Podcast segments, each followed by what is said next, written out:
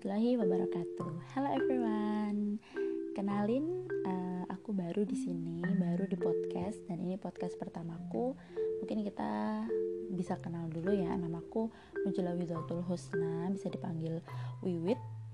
Singkat aja, langsung aku tinggal di Jawa Timur, di Nganjuk kalau kalian tahu.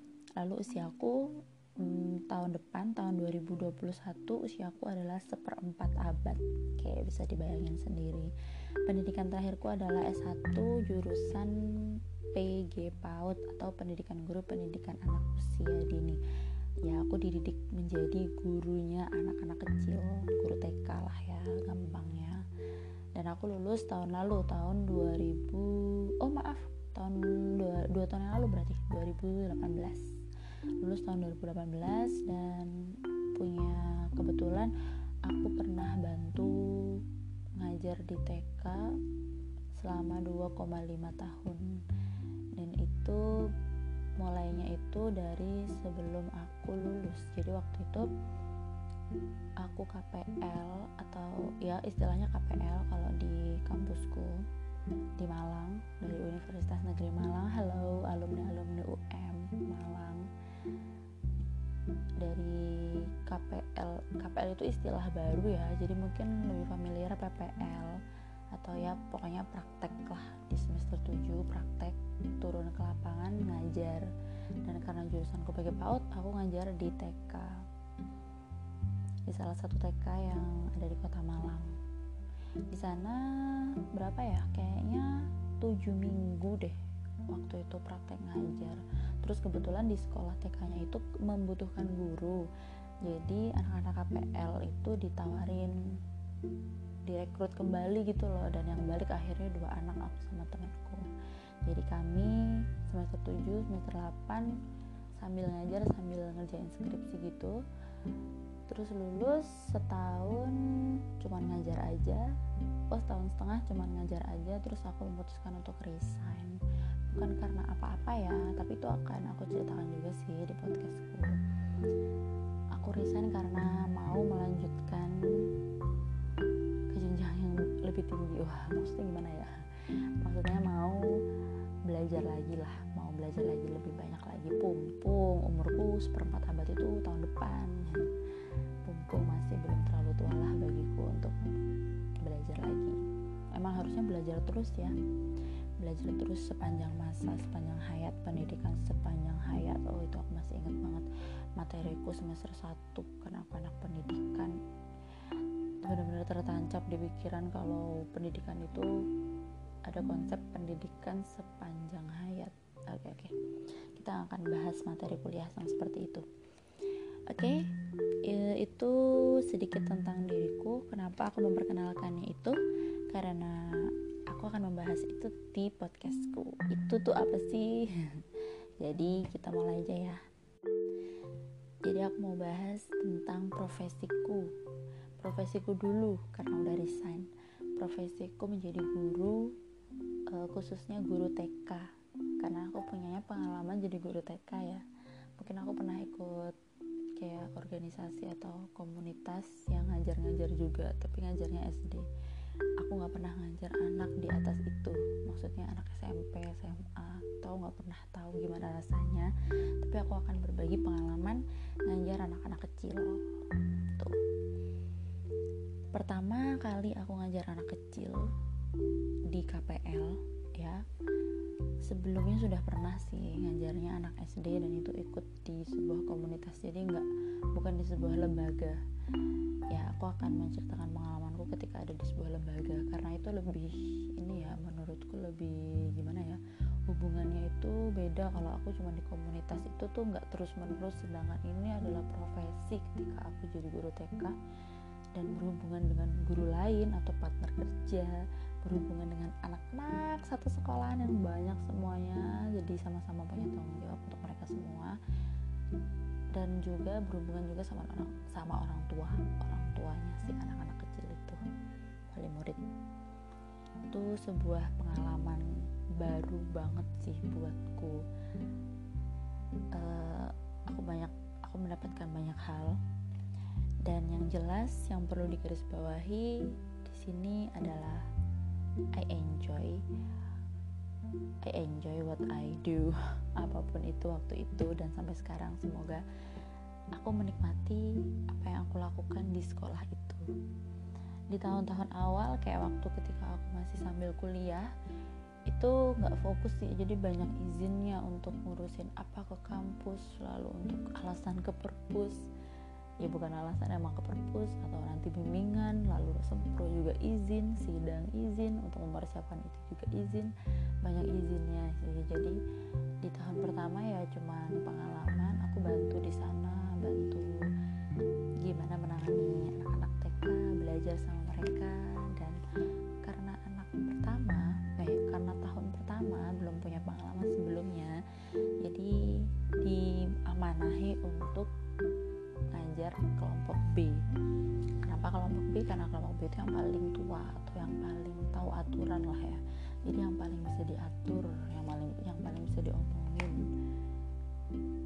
biasanya emang gitu di mana mana kalau orang baru misalnya anak baru itu pasti dikasih tempat yang mudah nah jadi kalau di TK ini tempat atau posisi yang mudah itu adalah guru kelompok B. Kenapa? Karena anak-anak kelompok B ini udah tahu aturan, jadi kita nggak usah yang benar-benar nuntun, tapi kita cuma melanjutkan aja.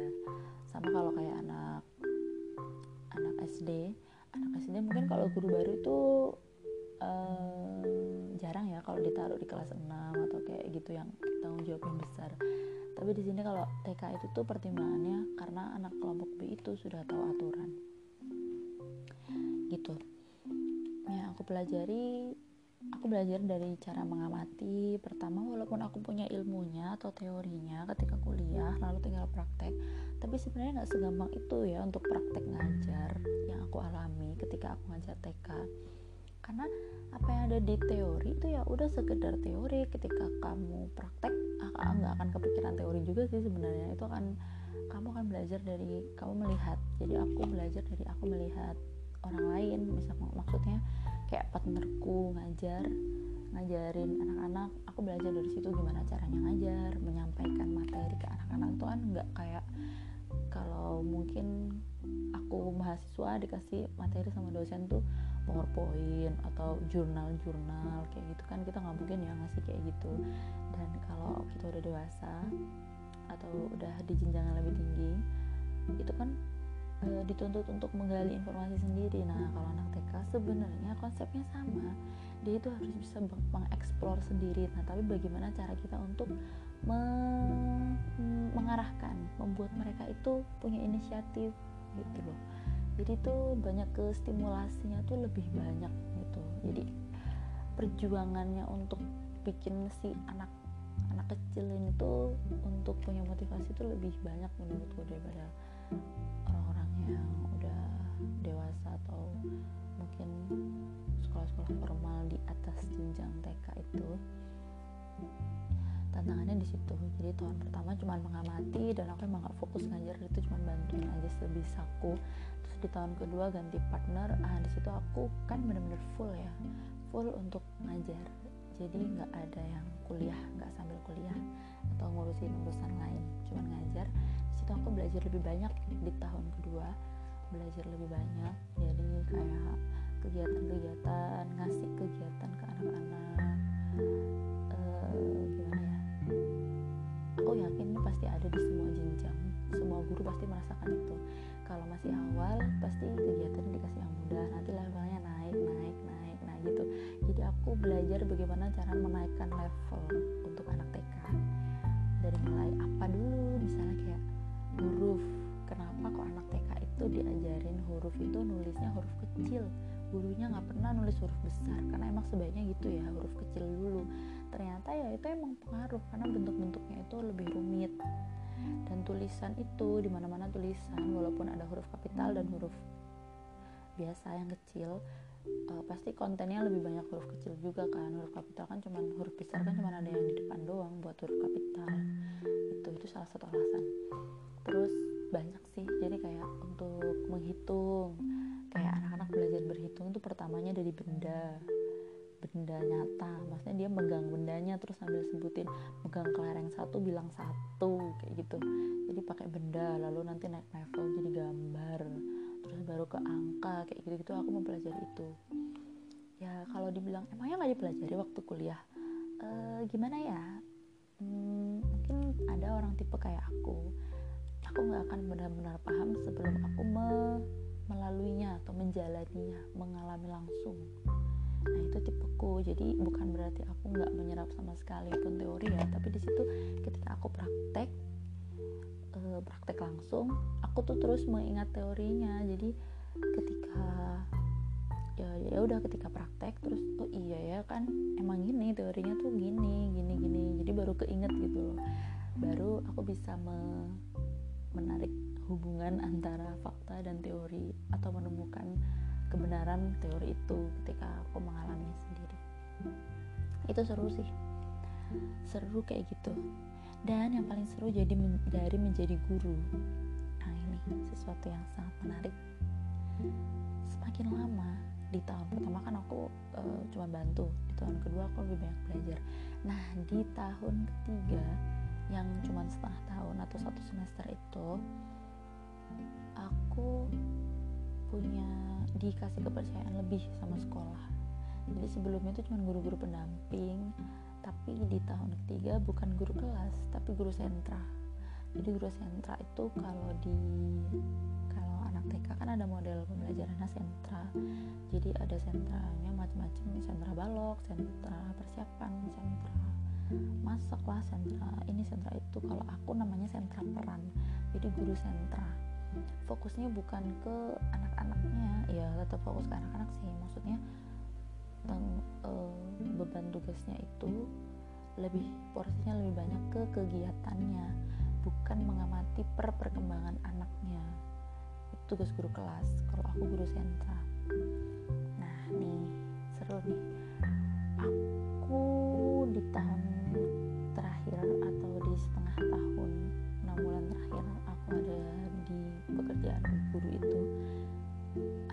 beda. Jadi dua tahun aku di kelompok B tiba-tiba aku ditaruh di kelompok A.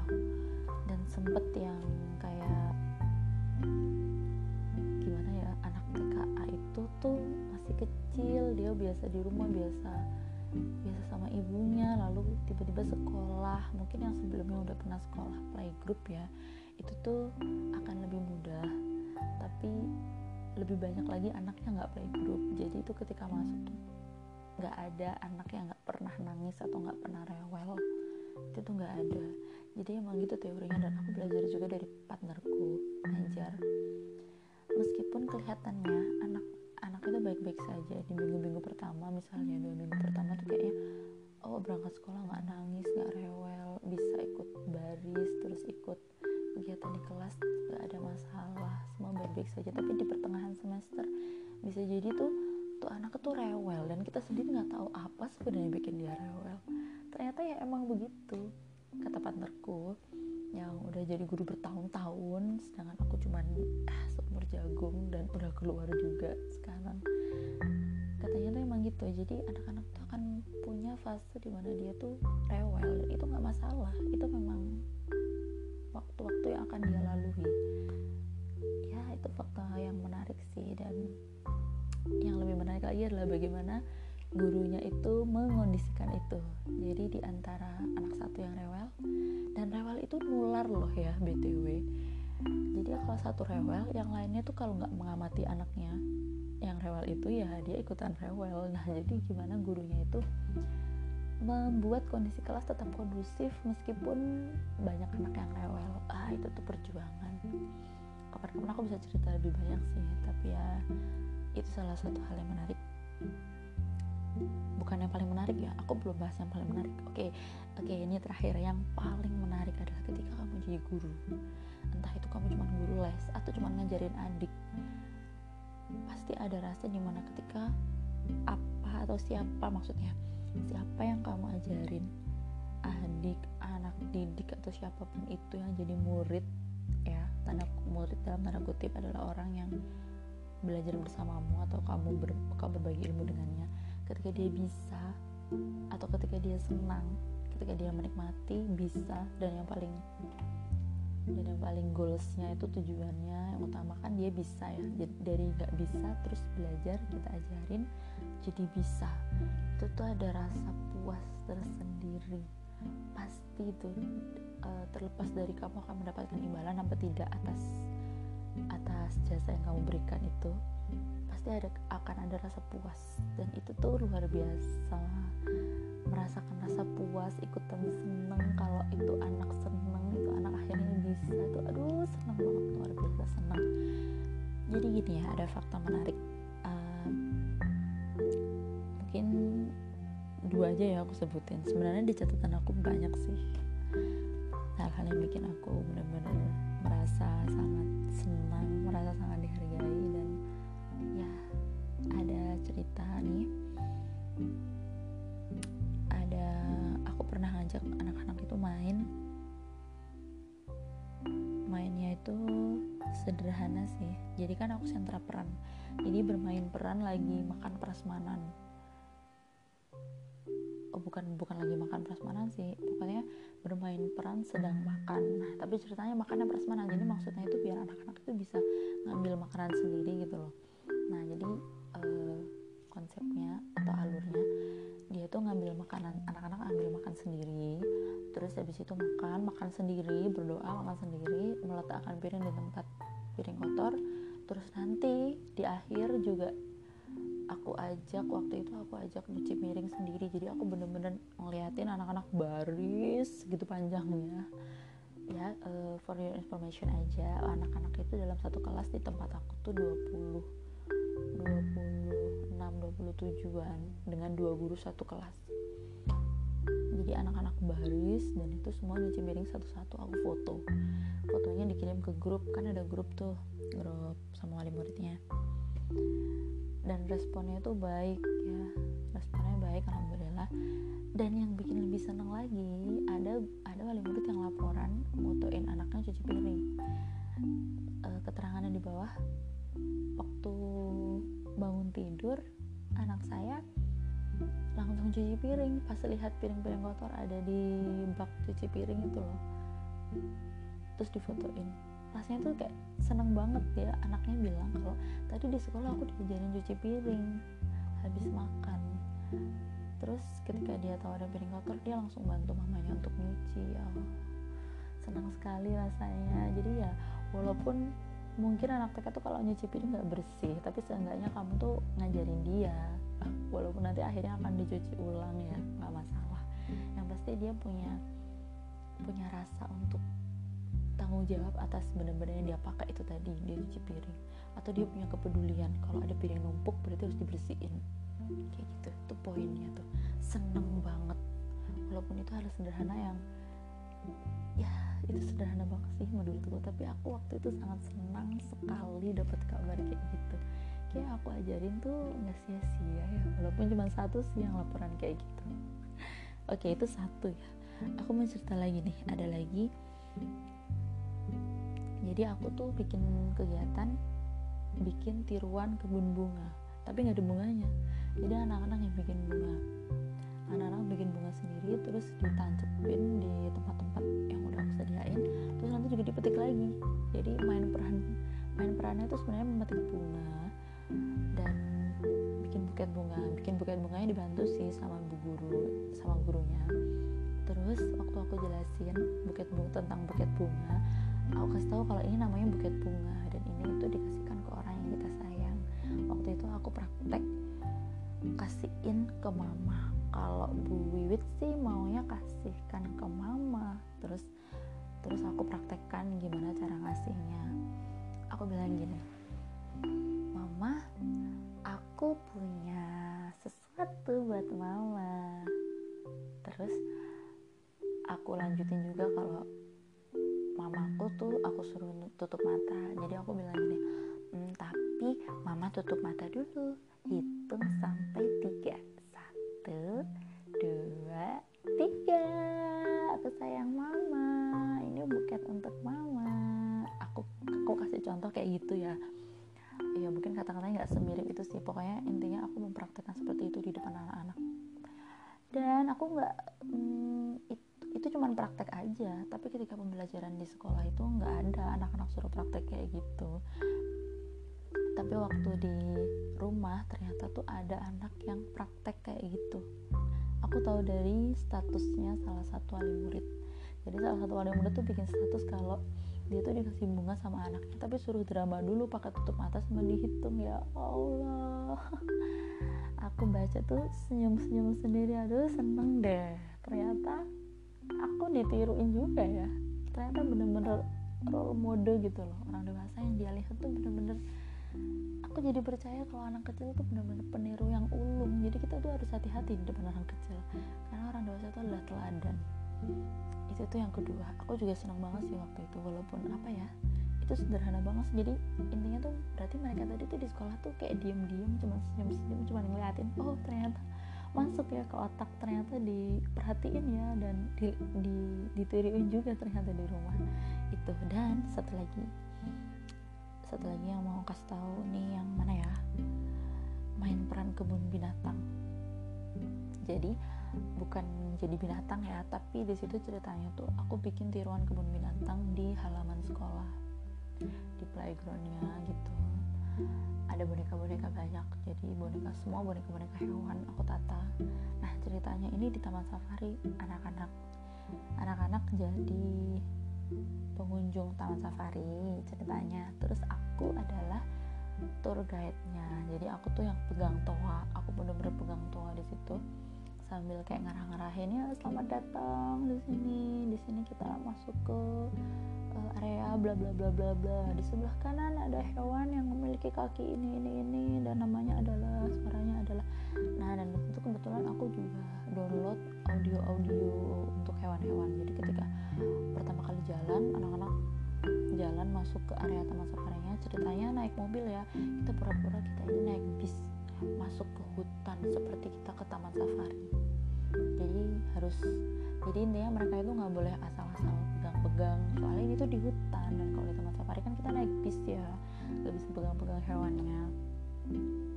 Jadi maksud aku tuh gitu walaupun ketika prakteknya mereka mereka bikin kayak kereta-keretaan itu ya tetap aja lah namanya anak kecil ya pasti dipegang-pegang pasti di ah pasti di ah nggak bisa diem lah pokoknya. Ya, sebenarnya sebel juga sih tapi ya udahlah di situ aku kasih suara juga. Jadi pertama kali jalan masuk kasih suara kayak suara-suara burung yang ada di hutan. Terus ketika aku jelasin satu dua hewan aku kasih suaranya juga. Aku bunyiin dari HP aku download.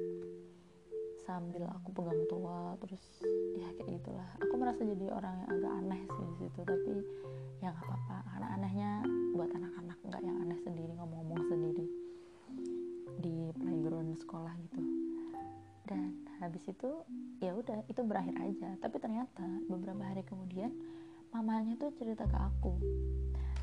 Cerita kalau bun uh, ibu aku kemarin loh diajak ke kebun binatang sama Bu Wiwit. Seru banget aku seneng aku nanti pengen lagi main kayak gitu. Dia bilang kayak gitu ke ibunya terus ibunya cerita ke aku sederhana banget sih tapi tuh rasanya udah seneng banget dikasih cerita kayak gitu. Gak ada penghargaan khusus sih anak-anak nggak nggak ngasih sesuatu feedback atau apa ke aku. Ya cuman mereka terlihat senang menikmati gitu aja. Lalu cerita ternyata ke orang tuanya. Seneng banget. Dan emang gitu ya. Ada nih dari film. Film yang temanya tentang pendidikan. Uh, bukan film sih drama Korea yang barusan aku selesaiin kemarin di situ ada satu kutipan. Ini aku nyatatnya nggak mirip sih tapi intinya hal yang paling membahagiakan itu adalah uh, hal yang paling membahagiakan untuk guru itu mengetahui bahwa murid-muridnya itu senang dan mereka bisa tersenyum bisa bisa selalu tersenyum. Waktu aku nonton itu aku langsung kangen auto kangen gitu loh kan udah gak jadi guru auto kangen keinget dan emang itu adalah pernyataan yang benar sih. Sebagai seorang guru itu pasti hal yang paling menyenangkan selain apa pun dari anak-anak adalah melihat mereka senang. Senang belajar ya menikmati kegiatan di sekolah apalagi belajar sama kamu sebagai guru gitu. Dan ada lagi nasihat dari Bahyai Maimun Zuber aku bacain ya kamu kalau jadi guru dosen atau kiai harus tetap usaha. Harus punya usaha sampingan biar hati kamu gak selalu mengharapkan pemberian atau bayaran dari orang lain. Karena usaha dari hasil keringatmu sendiri itu barokah. Nah ini ini tamparan juga sih. Jadi semenjak semenjak aku punya rasa yang aku